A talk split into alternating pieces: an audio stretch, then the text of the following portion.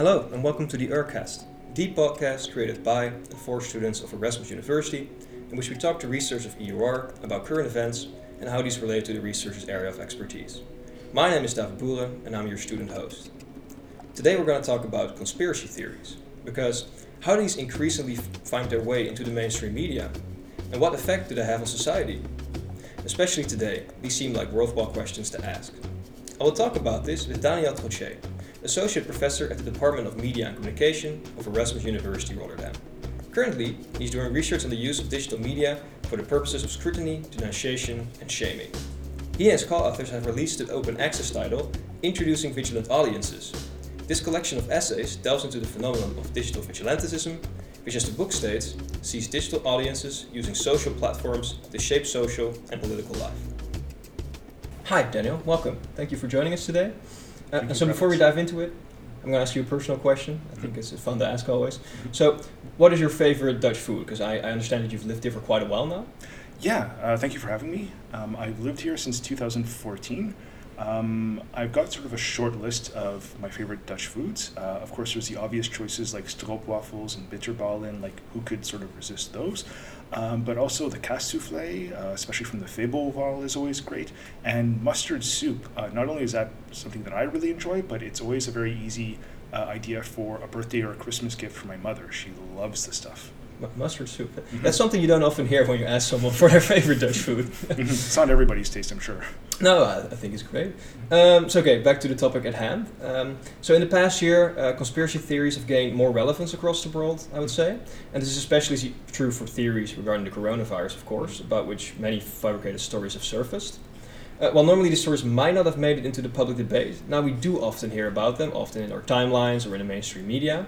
Here in the Netherlands, we even had a coordinated campaign, you could call it, by the group Virus Waarheid, mm-hmm. which translates as Virus Truth, that used prominent Dutch influencers to spread misinformation about the coronavirus. What do you think is the reason for these stories showing up more and more often in our timelines and in the public debate? Yeah, there's a lot of reasons, uh, both to do with the media aspect, but also just the social world we live in. Uh, so these tend to be an easy means to get attention from people, for people to air their grievances or to mobilize pissed off people at home. Um, I suspect a lot of the people behind these campaigns uh, tend to do it either for fame. It's often a lot of sort of influencers who veer off in a certain direction. Sometimes, for some reason, they also use it to sell vitamin supplements or to fund like a GoFundMe account. Um, with especially these cases that we look at, uh, they're also aligned with real concerns. So, uh, within the Dutch context, there's been a lot of cases of politicians being accused of being pedophiles. There is a lengthy history of child sexual abuse uh, within a lot of different sectors. So, within the UK, uh, people like Jimmy Savile or the former Prime Minister Edward Heath had some pretty serious allegations linked against them. So, in the same way that uh, a hallucination is often based on some real stimulus, it doesn't come out of nowhere.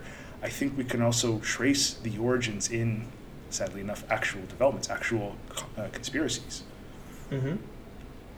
So, um, you talked about a lot of examples, and you talk about, for example, the influence of selling vitamin supplements and, and using it as a platform, I, I guess, for attention. Mm-hmm. Um, do you think um, that social media plays a role in the, in the spread of conspiracy theories?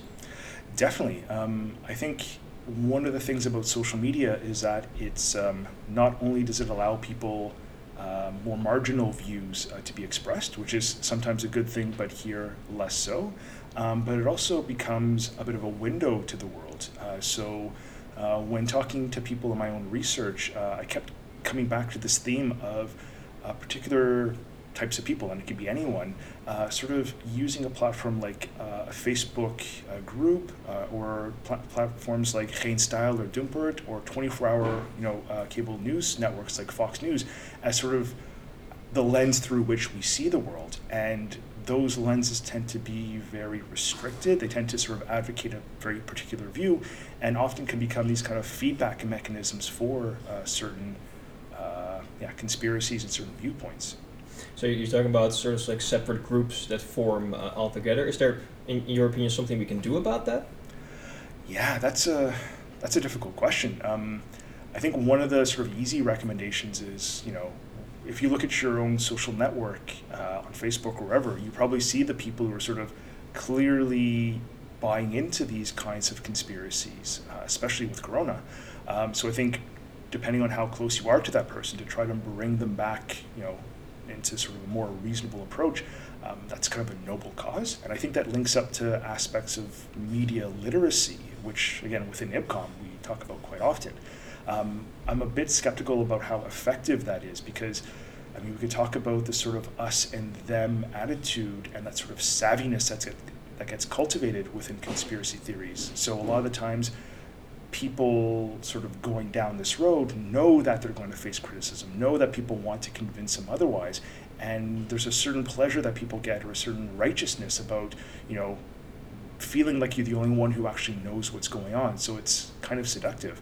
Um, beyond that, I think in terms of trying to regulate these platforms, uh, conspiracy theories are similar to things like hate speech, um, mass coordinated sort of um, harassment, and things like that, where the platforms ought to step up, and that coordination to pressure them has to happen on a broader scale. But if you can't get these platforms to like pay their own taxes, what luck will we have to get them to step in on these counts? Yeah, that's a that's a fair point. Um, you already mentioned your own research before. Um, could you tell us what the, the resemblances are with your research and these conspiracy theories, as you already mentioned, that are popping up more and more again? So my current research focuses on uh, yeah what we call digital vigilantism, which admittedly is a mouthful, um, but it basically, I think one of the common themes in my work since I was like a, a master's student was the way that people use technology to watch over each other. Uh, so again, this idea that these screens, um, these platforms, as sort of a window to the world, uh, we see how they facilitate um, sort of looking for things that we might find offensive or that might sort of cause some degree of uh, outrage. And they also provide the tools to kind of coordinate um, a response uh, through comments, through doxing, uh, through harassment, through hate speech. So I think when it comes to something like uh, Corona or like, you know, the within the conspiracy theory realm, you have sort of the accusation of uh, public figures being uh, child sexual abusers, pedophiles. But then you also have, especially in the Dutch context recently, like the pedoljagers. Uh, apologies if I'm mispronouncing it, but like sort of the pedo hunters.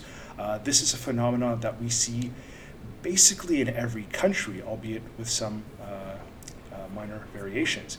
So there's so many causes which can either go down the conspiracy route or the sort of take matters into your own hands route. Yeah, I think you say something very interesting there because, of course, uh, this links back to conspiracy theories as a whole as well. That you see it happening not only here in the Netherlands, but you see it happening across the whole West, and uh, you see it happening uh, actually all across the world. Mm-hmm. For example, there's the QAnon, of course, you might have heard of. That's mm-hmm. a conspiracy theory from uh, the United States about the deep state and the government in the United States being in on uh, something satanic, etc., yeah. etc.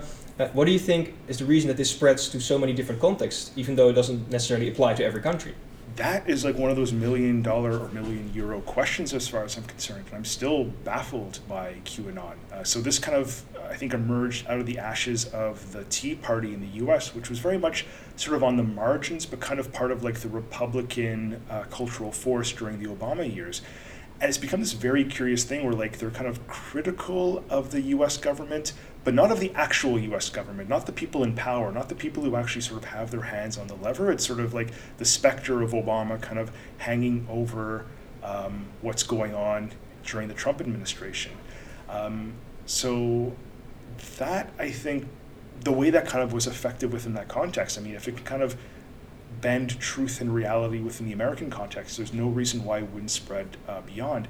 And what I've noticed as a pattern when it comes to national movements is uh, whether it's the Netherlands, whether it's in Central Europe or Central Asia or anywhere, uh, whenever there's a sort of conversation about like protecting our territory, protecting our rights, asserting our nationalism, asserting our identity, um, they will make use of like practices or language or memes uh, that circulate um, through these networks. So it's not surprising that the language and the rhetoric of QAnon, uh, even though it was very much about America, which of course everybody's looking at America, um, but to see that it would kind of pick up in other countries. Uh, so to me, I find it both baffling, but also in the same way that like, you know, memes about Pepe the Frog or about other types of like things which you wouldn't expect to go global, seeing them go global, um, I think it's sort of that same kind of trajectory.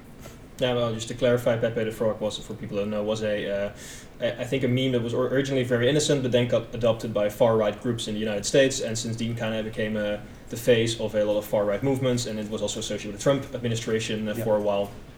Which was much to the disappointment of um, the illustrator uh, Matt Furie. I think that's how he pronounced his name. Where, like, as you said, he kind of did this with this sort of like detached, ironic kind of humor, where there was like no sort of reference to white nationalism. There was, I think, like four anthropomorphic animals just kind of hanging out and being dudes, and all of a sudden it gets linked with like some of the worst tendencies in 21st century politics. Which you know, if you're sort of creating artwork and you treat it like your baby, and then that's what happens to it, like that really sucks yeah, it's, it's kind of interesting that it can happen. I think there's a there's been a documentary released even recently about the about the Pepe the Frog and how it happened with the creator and how sad it is that it happened that way. Yeah. But that also poses an interesting question: How can something like that happen? How can something so innocently or normal be co-opted and become uh, a symbol for hate?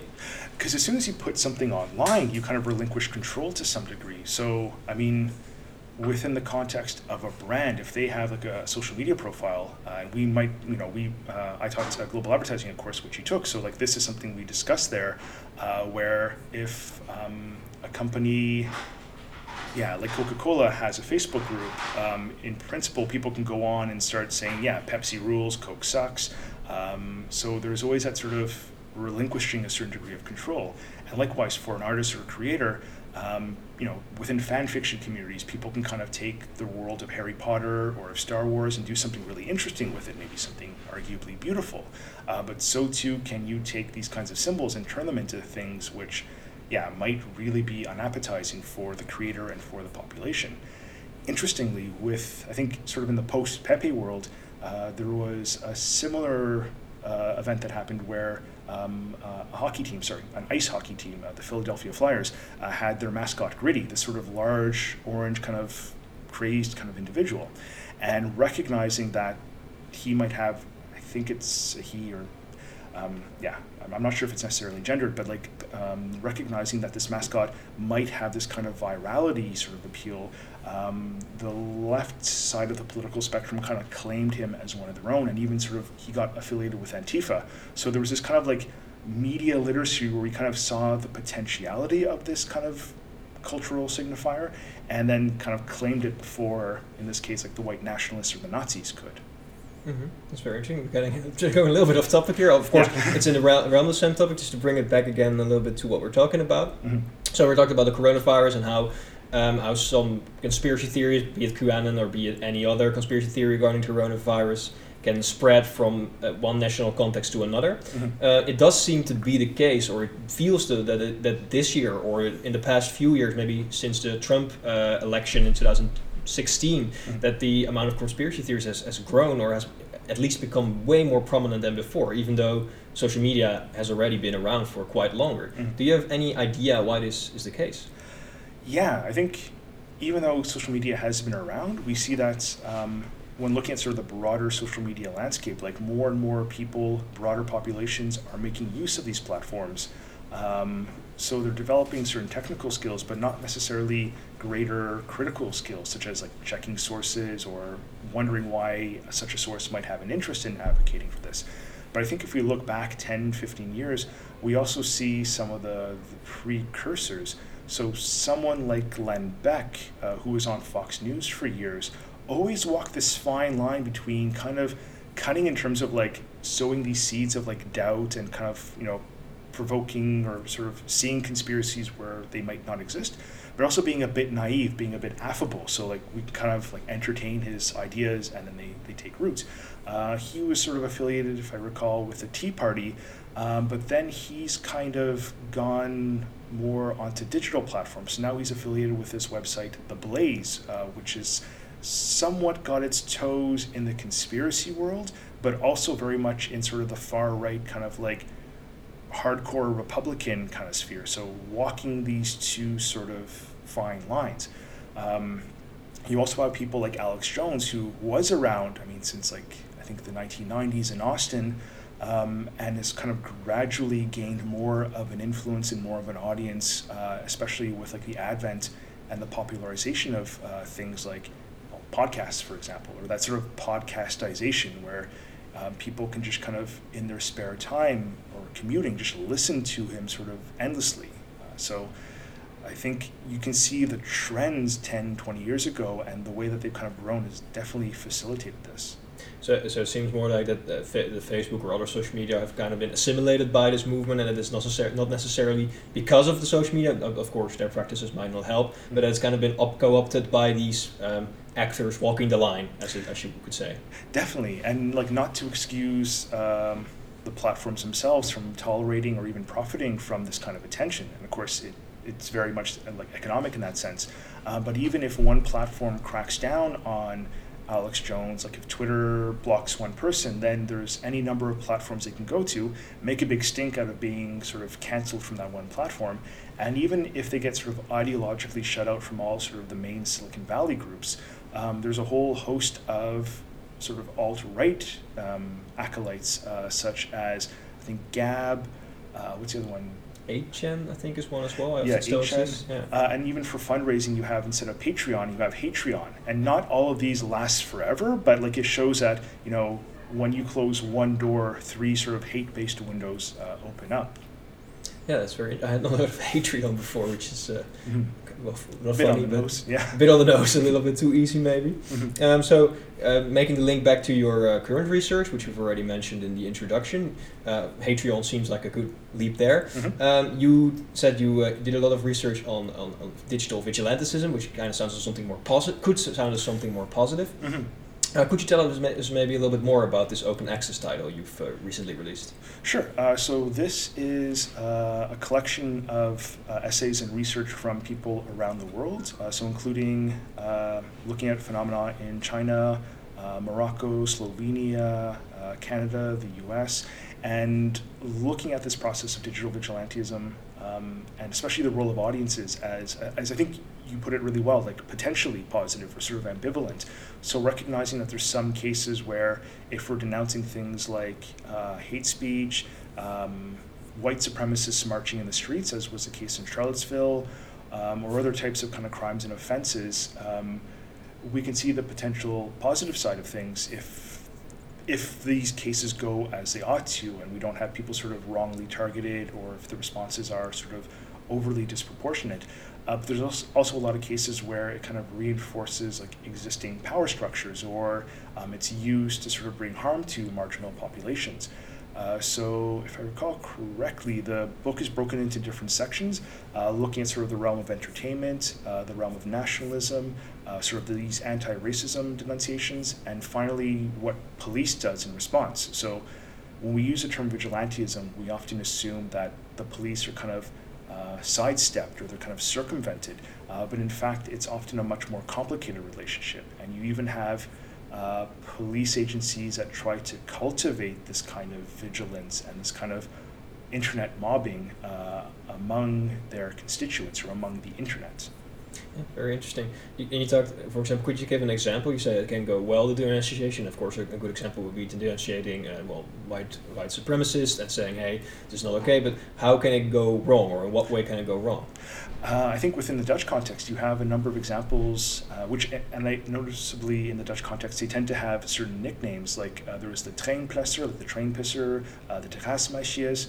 Um, there was also the Kopschop incident in Eindhoven, mm-hmm. uh, the Xenos uh, wallet theft.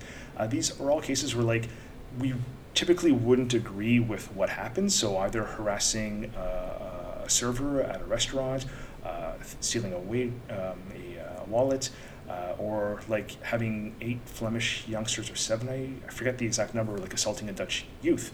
Uh, but in terms of bringing justice, this tends to go way beyond what's seen as proportional. So that's, I think, the key word for me is, you know, we might want these people brought to justice and maybe using public pressure to sort of compel them to turn themselves in, uh, but you don't necessarily want their families to be sort of deeply harassed, or in some cases, like people pushed to uh, take their own lives.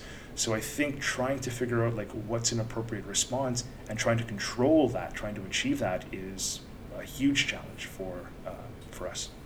I think I think that's a very interesting point because uh, of course what you say it, it, can bring a lot of harm to the wrong person and even if if the mob justice could be seen as proportionate, it can still, if you get got the wrong person, you could ruin that person's life forever, even though the person has never done anything wrong. Exactly, and this is a bit of a generalization, but when you see conflict on the internet, it's very rare that, like, one side will say like, oh, like, yeah, I see the error in my ways. I'm going to kind of correct myself now, and then for the other side to say like, okay, like I have nothing else to say. Like it's always if you look at like Twitter replies, like it's just kind of like uh, adding fuel to fire constantly, and people enjoy that for a lot of different reasons, especially if we're all stuck at home now. So, uh, this idea of like um, rehabilitative justice or trying to like reintegrate people, whether or not we actually want to reintegrate people, depending on what kind of crime or, offense we're talking about, is a different matter. But um, just it's hard for anybody to kind of control these processes. Yeah, I think that's a, a, very interesting point you make there. And I think exactly that also uh, kind of loops back to the coronavirus example with people being at home now. I think there was a graph uh, in, a, in a I saw lately that where it says like the, the search for QAnon since people have been stuck at home has on Google has gone way up. And for example, so it might also be that people nowadays have more just more time. Exactly, or if they're like stuck in you know endless Zoom meetings and Zoom lectures, well, they can just kind of alt tab into you know uh, their web browser and yeah, just fire away. Um, yeah, I think with the coronavirus, not only are people kind of stuck, as you say, sort of in front of their screens, um, but it also taps into all sort of the, uh, or many of the kind of the greatest hits of conspiracy theories. So the idea of vaccines, uh, Bill Gates in the mix, talking about sort of, you know, th- through his philanthropy and stuff. Uh, sometimes there's references to George Soros. And even this idea of like the New World Order and this term that I just came across recently, like the Great Reset, which, I mean, that could just be interpreted in terms of like okay we're going to go back to normal we're going to try to like start over and like this time no one will get sick. But it also has these very sort of like nefarious connotations where it's like oh like are we all going to have like chips implanted in our hands or whatever? So it really feeds into these kind of imaginaries. Yeah. So do do you as a closing statement, uh, we talked about hate, we talked about the coronavirus, we talked about a lot of negative things, mm-hmm. and about how sometimes it's very difficult on the internet when you see people constantly complaining, constantly uh, kind of hating on each other. Mm-hmm. Is there is there anything we personally can do about that, or is, are there techniques you would say where you can kind of make something that the discussion is a little bit more nuanced? Yeah, I think. I mean, whenever someone is in a position to like talk to friends or family about them kind of sharing these uh, memes or, or sharing this content or commenting on it, I think that's something that's probably best done either face to face or like through private channels. And often, like, we can sort of actually see a bit of nuance there. So it might be that someone is like sharing these memes, but they don't necessarily like especially in the case of like someone's parents or grandparents they don't necessarily know what they're doing and they're like people can be sort of innocently led astray. Not everyone is sort of a, a monster. So kind of saying like yeah like I know like your neighbor is sharing these memes with you and you feel rude if you don't then uh, share them yourself. But like you know recognize sort of the consequences. So like I guess instilling that sense of media literacy of like you know maybe you're kind of spending too much time like watching uh, these conspiracy podcasts and actually like uh, everyone can kind of see that you're clicking like on this and it kind of is a problem and it's sort of sending you down this rabbit hole. So trying to intervene with like that. Um, i think media literacy or literacies uh, at all ages is paramount. So like um, yeah teaching our children teaching our parents uh, just trying to be a bit critical. And that's not just being critical of conspiracy theory material, but also saying, well, you know, sometimes the bases of these conspiracies are rooted in some degree of truth. So, like, I think it's fair to say that, like, many governments haven't really handled uh, the COVID situation well, or many of them have used it to uh, exploit their own political gain. So, there is conspiring in the world. Like, the CIA is a thing that exists, um, but trying to sort of steer people's attention to like where we can actually see tangible proof of that as opposed to like just assuming that every politician is a lizard person or every politician is a child sexual abuser. Yeah i think that's a, fair point. That you touch on that to end that with because of course with conspiracy theories there's uh, what you said at the, at the beginning of the conversation there's often sometimes a public publicity part of it and it's about attention and maybe about money but sometimes they're also rooted in, in real fears that might actually be true that actually might have a kernel of truth in them mm-hmm. and and but they're just expressed maybe in a weird way. Yeah, and like I don't want to go down my own kind of conspiracy theory kind of road, but sometimes it seems like it's a way to kind of divert attention to like people who really have done bad stuff and it's like okay like rather than you know bring them to the hague uh, for like war crimes or for whatever we'll just kind of make these broad spectacular accusations and then like that kind of delegitimizes everything uh, so it's it's definitely a curious topic so that, that, I think it's important, as you said, um, to be critical, to try to be media literate, and if you find someone in your direct uh, surroundings, to just talk with them and say, hey, what, why do you do this? Maybe be a little bit more critical of each other, but Ex- not too critical. Exactly, and I think there's a huge difference between like what you see someone doing uh, on a social media profile, be it Facebook or Reddit or Twitter, and like what they would actually say if you sat down and talked with them. And again, sitting down and talking face to face isn't that easy these days, but you can still kind of reach out to them in other ways and get a direct response. At least as a first step, I would recommend that. I think that's a, a good way to close uh, this podcast on. Daniel, thank you so much uh, for being here with us today thank for you. the interesting conversation. Uh, for everybody listening, be sure to check out the open access title. Uh, you can find it online. Uh, we'll also put a link in the description so you can find it. And uh, see you next time on the Earcast. Thank you.